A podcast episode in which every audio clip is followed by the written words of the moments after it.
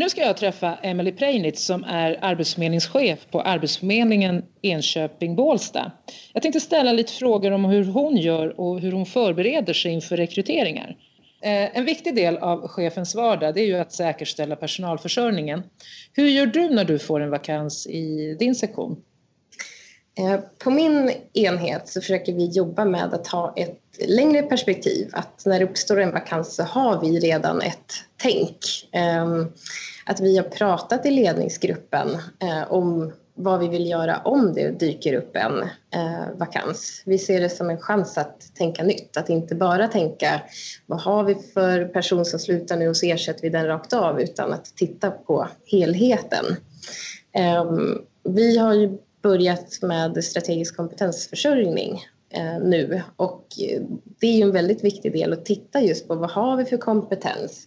Men vad är det som är på gång inom förnyelseresan? Vad är det för uppdrag som vi har? Vad är det för kompetens vi saknar? Så vi behöver tänka till då när vi ska rekrytera.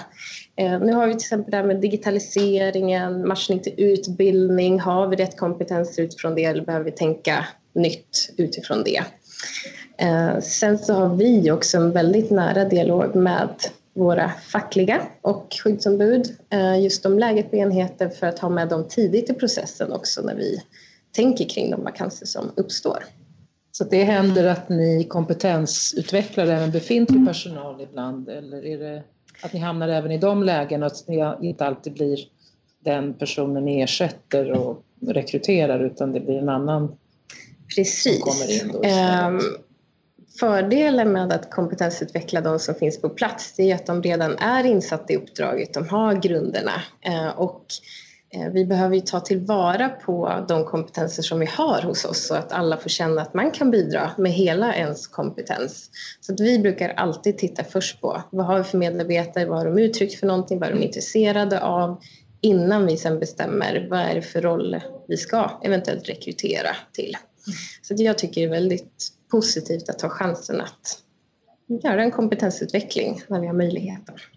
Att rekrytera tar ju ganska lång tid ibland, speciellt om man ska rekrytera externt. Mm. Eh, jag tänker på det man oftast kan bli stressad av som chef och medarbetare, det är just att arbetsbelastningen blir större för medarbetarna som är på plats. Mm. Eh, hur löser ni det? Det beror på. Det är olika varje gång. Ehm, så det, det beror på läget, var vakansen uppstår. Ehm, det kan ju vara att vi eh, antingen jobbar mycket med prioriteringar, eh, att vi drar ner förväntningar på vissa områden. Eh, det kan vara att vi flyttar om befintliga resurser. Det kan vara att vi fördelar ehm, arbetsuppgifter på fler för att liksom balansera. Eh, så det beror på eh, hur det ser ut helt enkelt. Jag tänker på när man nu har gjort, eh, när man vet nu att man har, ett, man har en vakans så det första man gör det är ju precis som du är inne på det att man ska ta fram en kravprofil. och hur gör du när du tar fram en kravprofil? vi bollar mycket med HR Eh, när vi ska ta fram en kravprofil. Eh, och vi, det, det vi har sett är att eh, det största felet vi kan göra det är att kopiera någon tidigare kravprofil eller att göra den här delen fort utan vi behöver lägga mycket tid och fundera över just vad är det för kravprofil för det styr ju sedan hela urvalsprocessen, våra möjligheter att hitta den bäst lämpade kandidaten. Ehm, och vi behöver ju veta vad vi menar i en kravprofil, att vi har definierat alla kompetenser. Vad betyder det här? Vi hade ett fall där vi sökte eh, personal som skulle jobba med arbetslivsinriktad rehabilitering eh, och hade det som en meriterande del i kravprofilen. Och då hade vi personer som kryssade i att ja, men det har jag. Och sen i beskrivningen står det att de är erfarenhet av egen rehabilitering. Och då behöver vi i förväg gjort definitionen på vad menar vi med den här kompetensen? Vad är det faktiskt vi söker för att vi sen då i urvalet inte ska behöva intervjua den här personen utan att vi kan faktiskt motivera att vi tar bort den. Jag tänker på, sen har vi ju det här med urvalsarbetet mm. som du är inne på just att det är viktigt att kravprofilen är tydlig för att man sen i nästa skede ska kunna göra ett bra urvalsarbete. Har du något tips på vad, vad är viktigt att man tänker på i urvalsarbetet? Eh, dels som jag sa så behöver vi ha en bra tydlig kravprofil för att hela urvalsarbetet är ju utifrån en kravprofil vi har eh, skrivit. Eh, sen så vi tar mycket stöd av HR i urvalet för att det ska bli rätt. Vi behöver ju kunna motivera alla de val vi gör. Ehm, och vi behöver också dokumentera så att vi kan gå tillbaka och se vad var det för val som vi har gjort.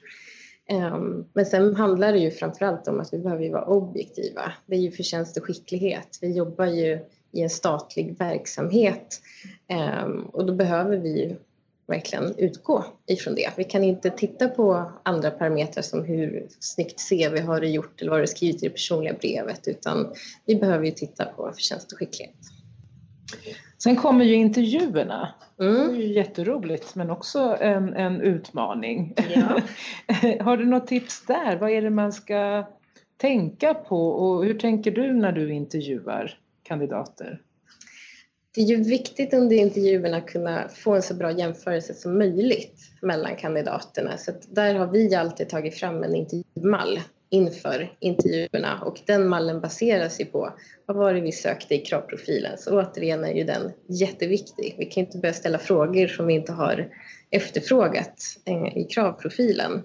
Eh, så vi tar alltid fram ett intervjuunderlag. Eh, vi ställer samma frågor till kandidaterna men här är det det viktigaste tipset jag skulle vilja det är att ställa följdfrågor. Fördjupa dig i. Det är väldigt lätt att tänka att vi vet vad kandidaten menar eh, när han eller hon uttrycker sig på något sätt. Men vi vet oftast inte utan ställ följdfrågor, be om konkreta exempel eh, och följ den metod som vi har inom myndigheten med kompetensbaserad rekrytering. Då blir det bra. Då kan vi verkligen sätta fingret på de kompetenser som vi efterfrågar. Har du varit med om att du har dragits med? Jag tänker personlighet, det är ju ganska enkelt där med magkänslan och, och hur gör man där? Alltså hur, för man, man får, klickar ju ändå bättre med vissa personer. Absolut, det händer ju. Um, vi är alltid flera som intervjuar uh, så att vi kan tillsammans sen bolla um, och jämföra också, för det är viktigt att vi dokumenterar medan vi intervjuar vad, vad personen faktiskt har sagt, hur den har betett sig så att vi kan fånga upp.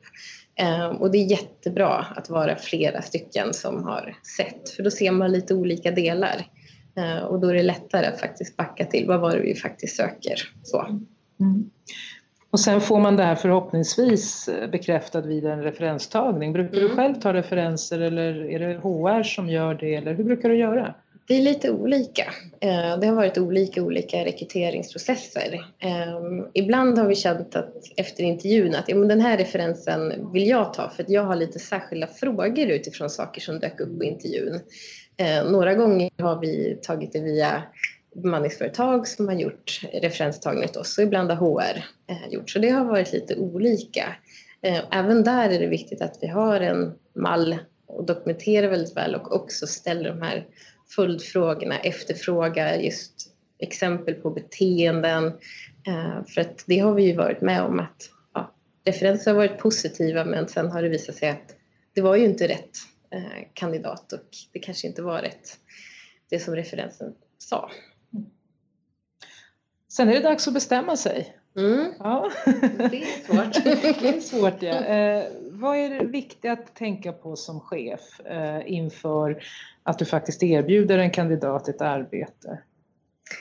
Eh, dels att vi verkligen kan motivera att det här är den bäst lämpade eh, kandidaten. Eh, det är ju det första så att säga. Eh, sen behöver vi ju samverka med våra fackliga. Eh, oftast försöker vi ha med dem under hela processen så att när vi väl kommer så långt som till ett val så vet de vilka kandidater det står emellan. Ehm, de behöver ju några dagar på sig, fem stycken, för att kunna komma med ett svar. Ehm, men när de är från början så brukar det gå lite fortare än så. Sen behöver vi stämma av kring lön och de delarna innan vi sen erbjuder kandidaten tjänsten. Mm. Och där brukar jag försöka tänka på att alltid ha med mig motivering också så att vi kan motivera eh, även till kandidaten varför vi är intresserade av att anställa dig och sen när, vi, när den personen har tackat ja att meddela övriga då behöver vi också kunna ge bra feedback till de som inte får tjänsten och vad det beror på. Sen när man väl har beslutat det, så tänker jag, sen eh, finns det ju andra saker som man kanske inte kopplar direkt till rekrytering men som ändå är väldigt viktigt eh, utifrån eh, att ta emot nya medarbetare mm. och jag mm. tänker då i första hand på introduktionen. Mm. Hur jobbar du och dina chefer och medarbetare med introduktionen just av nya medarbetare?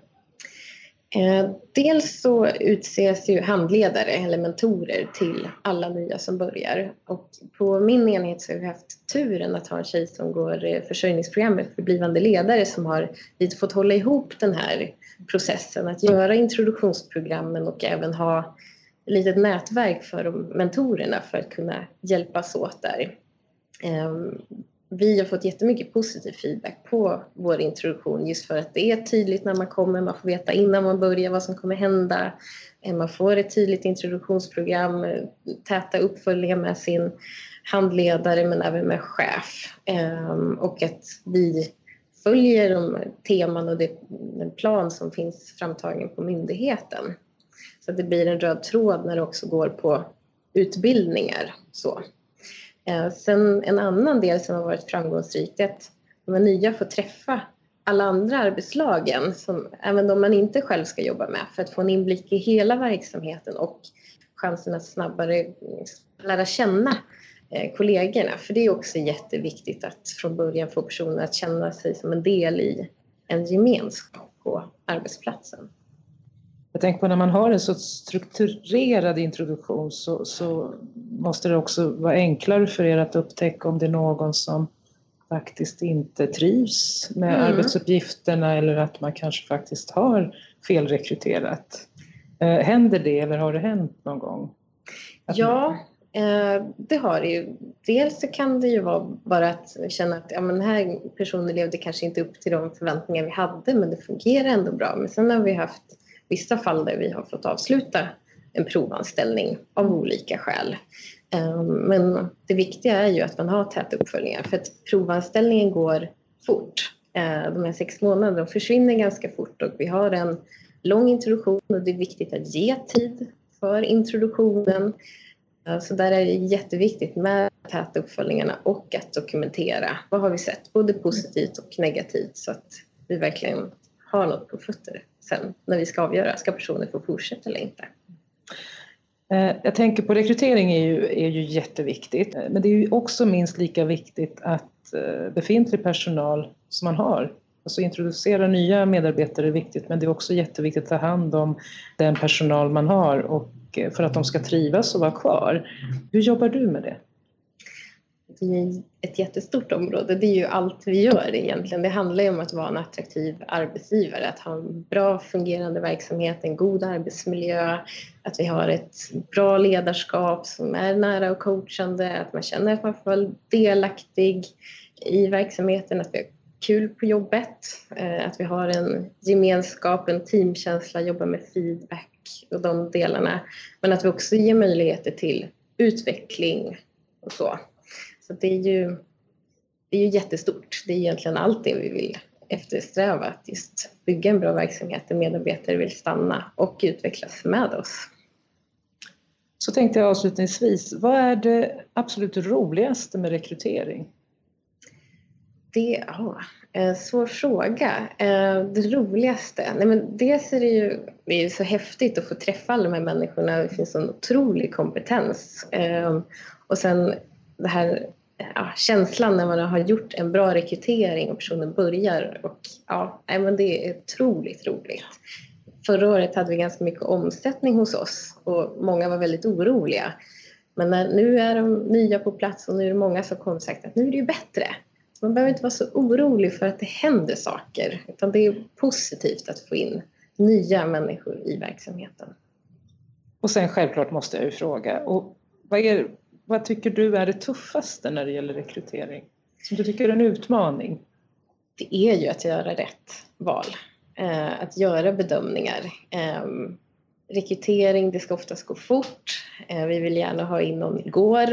Eh, det är många steg eh, och det blir ju inte så mycket tid med varje person. Så att, ja, att skapa sig den här person, alltså bilden av är det här den bäst lämpade. Det är svårt. Mm. Ja, tack så mycket Emelie.